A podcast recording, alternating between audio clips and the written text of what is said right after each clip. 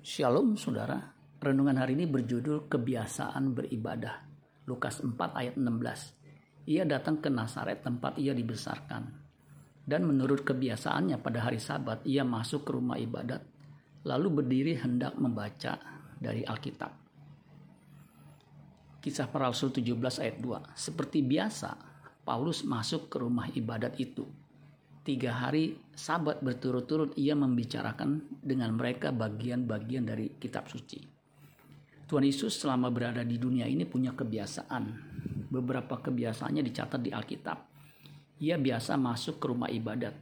Ia juga biasa berdoa bersama para muridnya. Lukas 22 ayat 39. Lalu pergilah Yesus keluar kota dan sebagaimana biasa ia menuju Bukit Zaitun murid-muridnya juga mengikuti dia.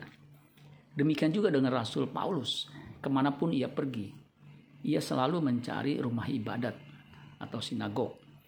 Kisah para Rasul 13 ayat 14. Dari Perga, mereka melanjutkan perjalanan, lalu tiba di Antioquia di Pisidia. Pada hari Sabat mereka pergi ke rumah ibadat lalu duduk di situ. Kisah para Rasul 14 ayat 1. Di Ikonium, pun kedua rasul itu masuk ke rumah ibadat orang Yahudi lalu mengajar sedemikian rupa sehingga sejumlah besar orang Yahudi dan orang Yunani menjadi percaya.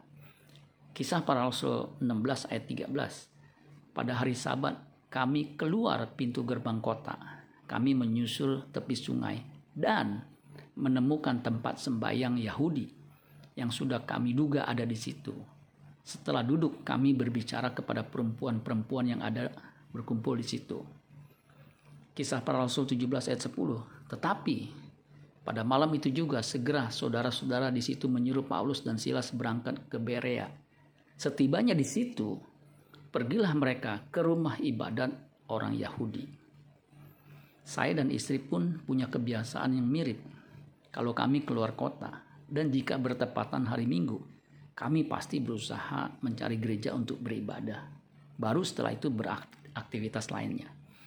Mari miliki kebiasaan untuk beribadah. Amin buat firman Tuhan.